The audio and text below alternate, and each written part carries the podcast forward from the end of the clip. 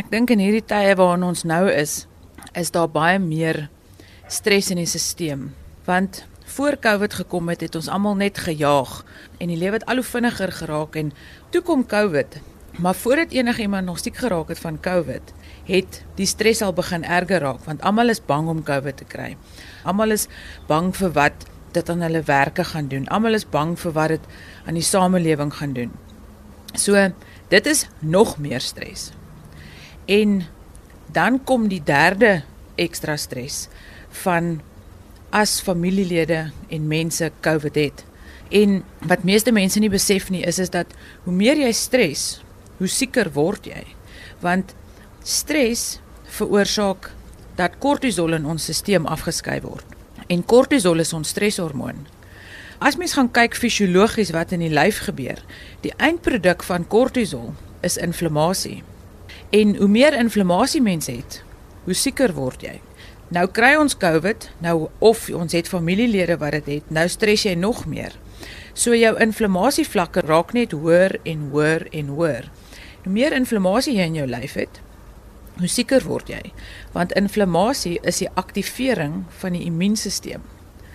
So met ander woorde, hoe meer ons stres, hoe meer aktiveer ons ons eie immuunrespons. En dis ultimately waar outoimmuun siektes vandaan kom want daar's so baie inflammasie in jou lyf.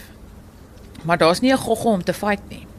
En elke keer as jou immuunrespons geaktiveer word, staan al die soldate reg om te beklei. Maar daar's niemand om mee te beklei nie. Môre roep jy weer al die soldate. En permanent is hierdie soldate en eventually is hulle so lus vir 'n fight dat hulle begin met mekaar fight. En dis waar outoimmuun siektes vandaan kom. So ek dink sonder dat ons weet gaan ons mental health issues kry post-COVID, maar ons gaan ook 'n outbreak kry van dalk outoimmuun siektes omdat niemand weet hoe om hierdie stres te hanteer nie.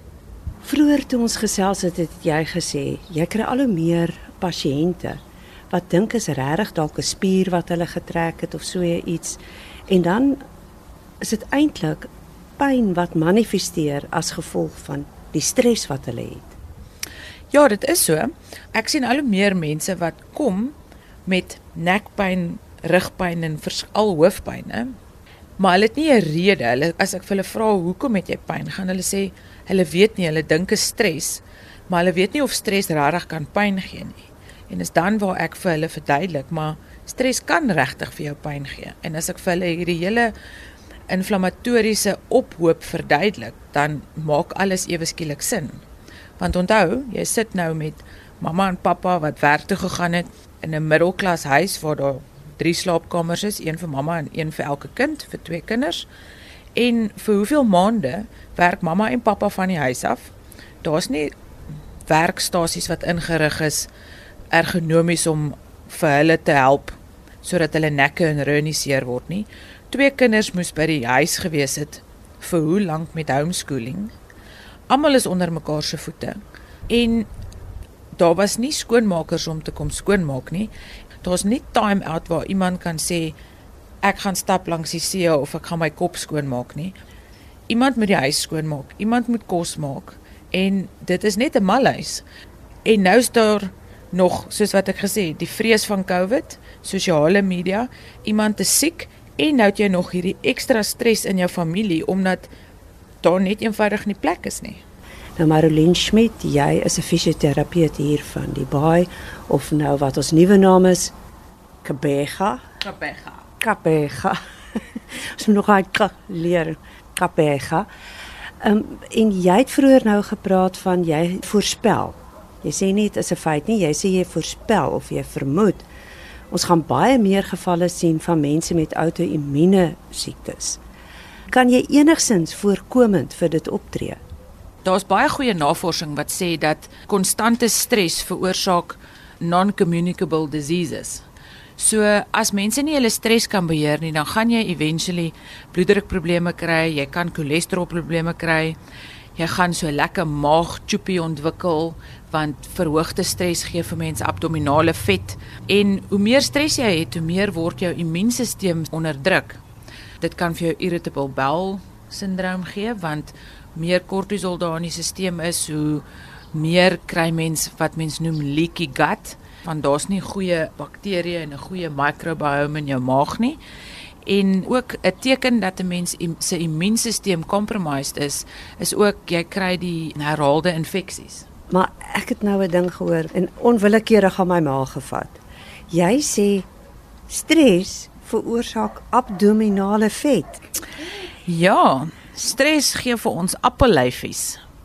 Ek kan nie presies die fisiologie op hierdie millisekond onthou nie, maar dit is definitief 'n feit dat hoe meer kortisol daar in die stelsel is, hoe meer vet word neergelê en dit word spesifiek rondom die middelrif neergelê. Goed, maar kom ons gaan net terug na die verskriklike soos jy kan sê die potensieel verwoestende effek van stres wat nie beheer word nie. In eerste plek, hoe kan jy stres probeer voorkom? En dan in die tweede plek, as jy weet jy's gestres, wat is die beste om te doen? Ek weet nie hoe mens heeltemal stres voorkom nie. Maar ek dink mens kan stres probeer hanteer. Een van die goed wat ek gevind het die heel beste werk is diep asemhalingsoefeninge. Dis 'n verskriklike maklike asemhalingstegniek wat 'n mens kan YouTube, dit word genoem belly breathing. En ek gaan jou actually gou leer om dit te doen. Jy sit een hand op jou bors en een hand op jou maag. Okay, gerus. En dan haal jy vir my diep asem, maar jou maag moet uitpop in jou hand in as jy diep asemhaal. So. Yes, en dan uit deur die mond. So in deur die neus. Terwyl jou maag uitpop, hou dit daar vir twee tellings en uit deur die mond. En hierdie belly breathing aktiveer jou vagus senuwee. So jou vagus senuwee is deel van jou outoimmuun senuweestelsel, spesifiek deel van die parasimpatiese senuweestelsel wat jou rest, restore en healing respons is. En dis hoekom diep asemhalingsoefeninge mens kalmeer. So dit is een van die mees koste-effektiewste, maklikste manier om stres te voorkom is net om jou vagus senuwee te aktiveer. Nou mens moet besef dat jy kan nie sonder kortisol lewe nie. Mense het kortisol nodig om sekere funksies te kan verrig. Met ander woorde, mense het stres nodig om sekere funksies te kan verrig. Maar dit is stres wat kom met 'n spesifieke doel. As die leeu jou jaag, moet jy vinnig kan weghardloop om jou lewe te kan red. Maar die probleem van stres kom in as dit permanent is en dan word jou normale baseline wat sê nou maar by 0 is vir 'n toleransie van stres hoër gesit. Met ander woorde, jy dink jy kan cope met meer stres, maar jy besef nie die fisiologiese impak wat stres op 'n mens se lyf het nie. So enige tegnieke wat jy kan gebruik om jou vagus senuwee te kan stimuleer, soos wat ek genoem het, diep asemhaling wat 'n mens spesifiek belly breathing noem, oefening, lag, so omring jou met mense waar jy kan lag, andersins luister grappies of lag saam met jou familie. Ek sien lag yoga is deesdae iets wat mense op die internet kan doen. Drukkies. Ek weet in Covid kan mense nie uitgaan en net almal rondom jou drukkies gee nie. Maar daar bestaan iets soos 'n selfdrukkie waar jy jou arms om jou eie lyf sit en vir jouself 'n drukkie gee. Jy kan diere drukkies gee, katte en honde.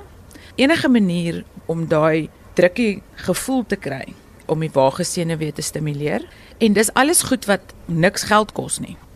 Nou goed, watter faktore kan 'n mens nog stres gee waarvan jy onbewus is? Klein goedjies soos as jy nie gereeld eet nie of as jy nie gereeld water drink nie, kan vir jou fisiologiese stres veroorsaak wat nog kortisol in die stelsel gaan sit en 'n mens nog lekker laat vet raak van stresvet. Te veel kafeïne kan vir jou stres veroorsaak. En dan die groot sonnebok. Te veel sit. Daar is studies wat sê as jy vir meer as 6 ure per dag sit, dan verhoog jy jou inflammasie in jou lyf. Die optimale tyd vir sit is 45 tot 60 minute en dan moet jy opstaan en beweeg.